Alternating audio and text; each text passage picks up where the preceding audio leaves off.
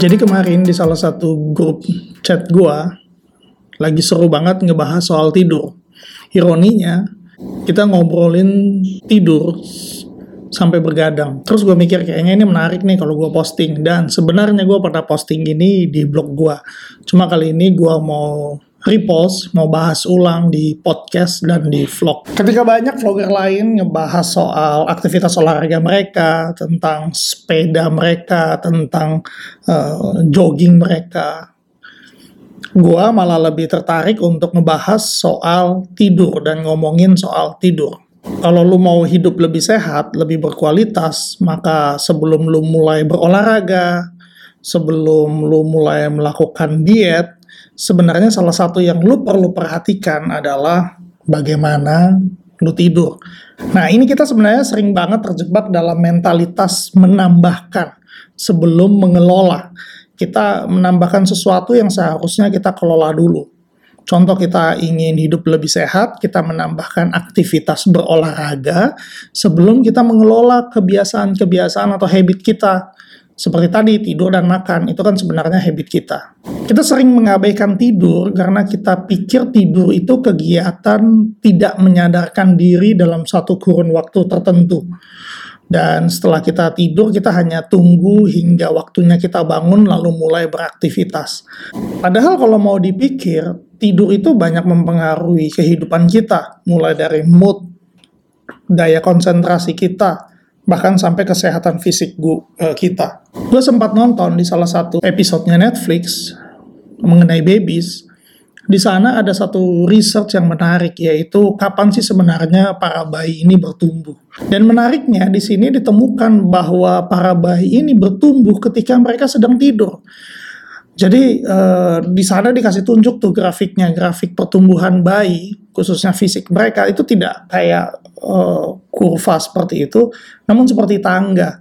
Jadi setiap hari itu ada stage demi stage, jadi bisa hari ini bertambah 2 cm, besok uh, tidak terjadi apa-apa, lusa nggak terjadi apa-apa, minggu depan tiba-tiba bertambah menjadi 1 cm.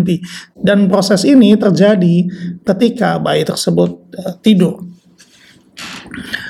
Jadi nggak cuma asupan gizi saja ternyata, namun waktu istirahat juga mempengaruhi pertumbuhan bayi. Makanya bayi stunting itu nggak cuma soal makanan, tapi bagaimana dia e, mereka beristirahat. Kedua, alasan kenapa penting sebenarnya untuk kita berpikir dan membahas mengenai tidur ini adalah karena sepertiga dari masa hidup manusia itu dihabiskan untuk tidur. Dalam satu hari kalau misalnya tidur yang ideal itu 7 sampai 8 jam, ada 9 jam, bahkan bayi tidur lebih lama. Berarti kalau kita akumulasikan dari pertama kita lahir sampai kita meninggal, waktu yang kita habiskan untuk tidur itu sepertiga kehidupan kita. Jadi sebenarnya tidur ini perlu untuk kita pikirkan karena kalau tidak kita berarti menyia-nyiakan sepertiga dari kehidupan kita. Gue sendiri mulai concern mengenai tidur itu ketika beberapa waktu lalu, tahun dua tahun lalu mungkin uh, eh, gue melakukan general check up dan di sana ditemukan bahwa ternyata gue itu kurang tidur. Ketika ditanya Pak Pak Jo uh, tidurnya berapa lama rata-rata sehari? Saya jawab 5 sampai 6 jam.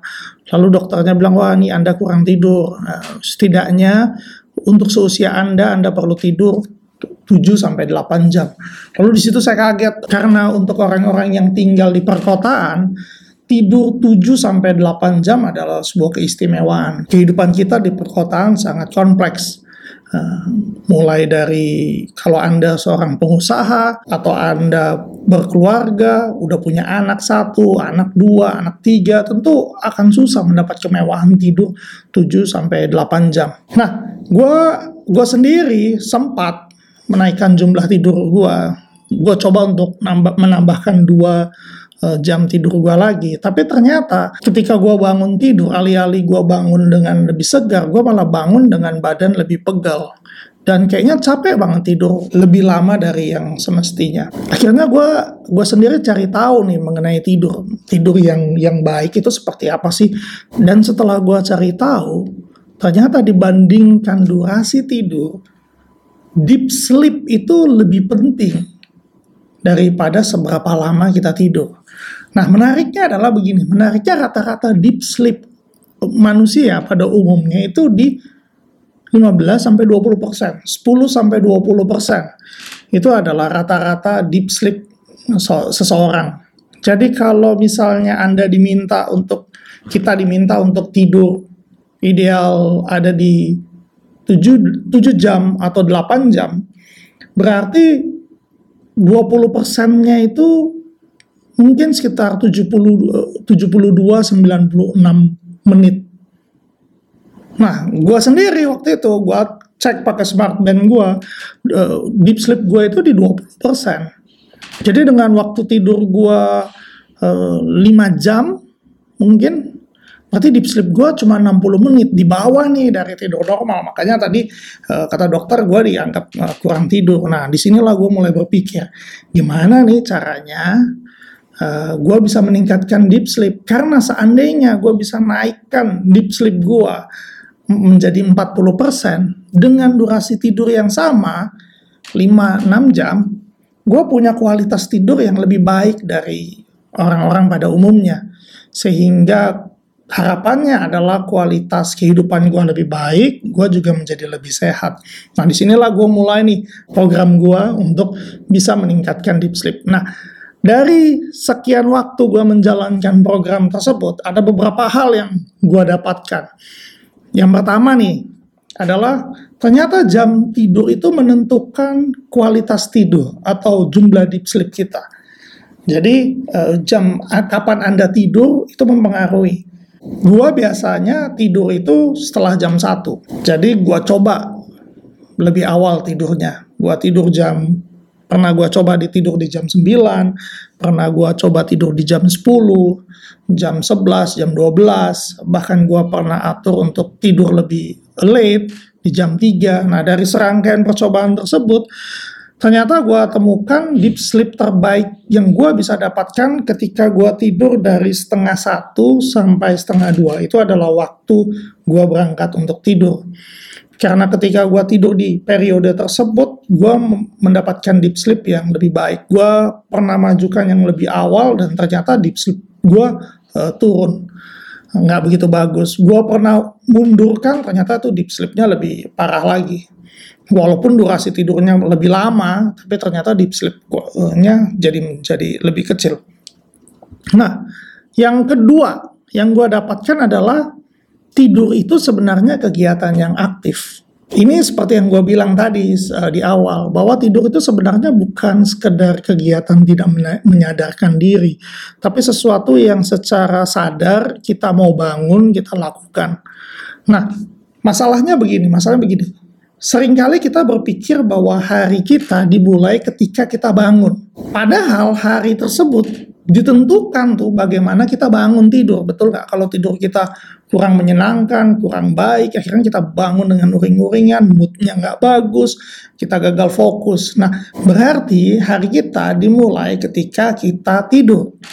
Nah kita perlu nih melakukan hal-hal sebelum kita tidur agar kita mendapatkan kualitas tidur. Karena begitu kita tidur kita udah nggak bisa ngapa-ngapain lagi kan? Jadi ada hal-hal yang perlu dilakukan atau lebih tepatnya perlu dihindari agar kita mendapatkan kualitas tidur yang baik. Yang pertama uh, hindari untuk mengkonsumsi makanan berat 4 jam sebelum kita tertidur. Lalu hindari minum kopi sebelum kita tertidur. Ini mungkin kasih jeda sekitar 6 jam, 5 sampai 6 jam.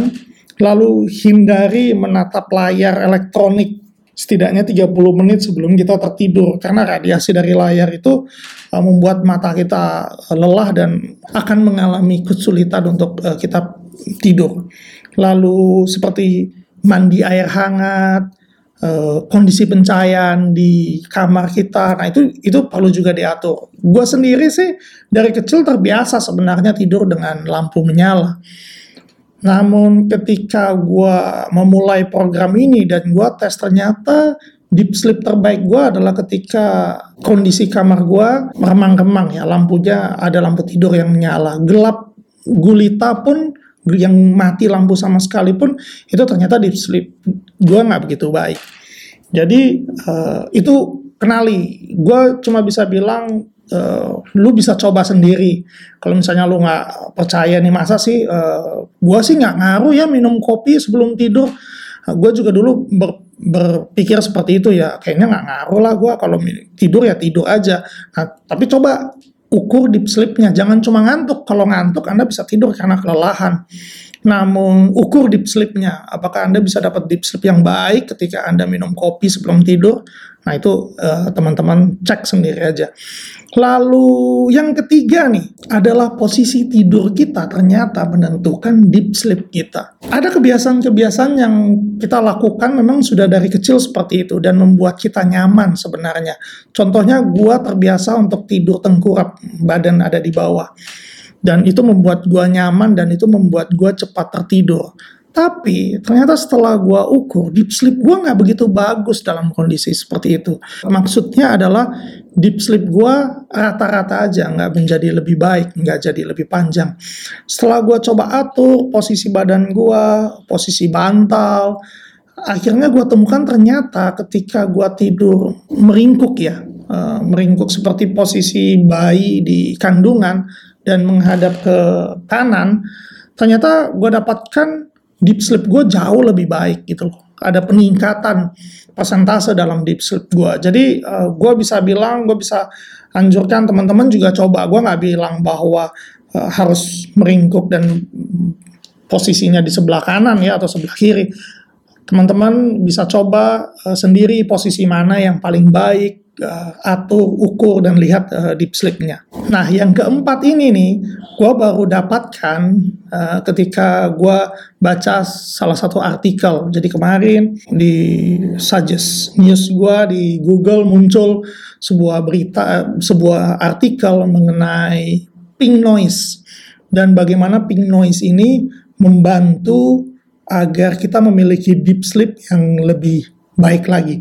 Nah, pink noise itu apa sih? Mungkin ada pink noise, ada white noise, ada red noise. Jadi ini warna suara yang ditentukan oleh energi sinyal yang dipancarkan oleh suara tersebut. Ini sebenarnya dipengaruhi oleh bagaimana energi didistribusikan melalui frekuensi berbagai frekuensi.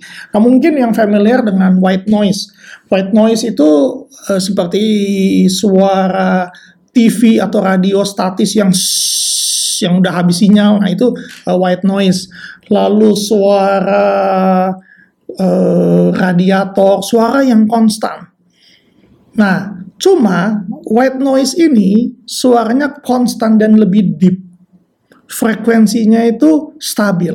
White noise biasanya dipakai untuk membantu orang-orang yang insomnia, yang dia kesulitan tidur. Jadi karena suaranya konsisten, ini membantu otak agar lebih rileks dan lebih mudah untuk tertidur. Nah, berbeda dengan pink noise. Pink noise ini suaranya cenderung tidak terlalu deep, dan sinyalnya tidak seintens uh, white noise. Contohnya seperti apa sih?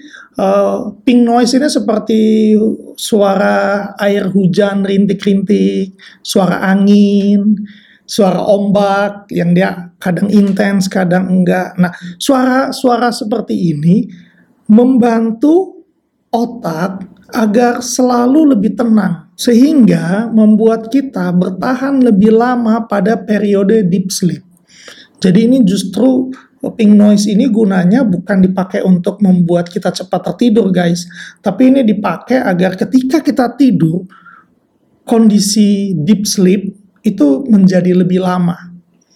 Nah, ini yang gue dapatkan dan uh, akhirnya gue belum coba sih yang yang pink noise ini dan gue lihat ada beberapa uh, pink noise yang bisa lu download lu dengerin di Spotify. Masalahnya ada kondisi-kondisi yang tidak selalu ideal, yang kita punya waktu cukup. Kadang kita nggak bisa tidur tepat pada waktunya, kadang kita ada kerja di luar kota, sehingga kita tidak punya sebuah environment yang membantu kita agar tidur uh, lebih lebih berkualitas deep sleepnya. Makanya yang terakhir yang gue anjurkan adalah ketika Anda merasa kurang tidur, Anda terpaksa harus lembur, coba Anda gantikan waktu-waktu tidur Anda yang hilang ini dengan power nap. ketika siang hari. Nah, power nap ini sebenarnya tidur singkat, 60 sampai 90 menit ketika dalam kondisi terang. Maksudnya ketika dalam kondisi uh, di siang hari beraktivitas. Kenapa power nap ini sangat powerful dan dianjurkan? Karena walaupun tidurnya 60 sampai 90 menit, tapi deep sleep-nya kita itu bisa sampai 80%. Jadi hampir keseluruhan dari power nap tersebut adalah deep sleep. Biasanya ini kalau tahapan tidur ya, ada yang namanya non-REM, tahap 1, tahap 2, tahap 3 itu sebenarnya deep sleep. Nah, power nap ini bisa dari tahap 1 langsung lompat ke tahap 3. Makanya dianjurkan untuk teman-teman yang kurang beristirahat, ambil power nap. Salah satu tips yang yang bisa gue share mengenai power nap ini dan ini akan membantu teman-teman ketika bangun menjadi lebih segar adalah minum kopi sebelum Anda power nap. Nah, kenapa kopi? Karena begini, kopi itu membutuhkan 45 sampai 60 menit untuk dia bereaksi di dalam tubuh kita. Nah, Anda minum kopi langsung jadi nggak di nggak diseruput Eh, sedikit-sedikit Anda minum langsung satu gelas, lalu Anda langsung pergi tidur. 60 menit kemudian Anda akan bangun dengan kondisi segar banget. Karena pertama Anda bangun, kedua kopi boosting uh, Anda ketika bangun dan itu kayaknya Anda siap untuk melakukan aktivitas Anda.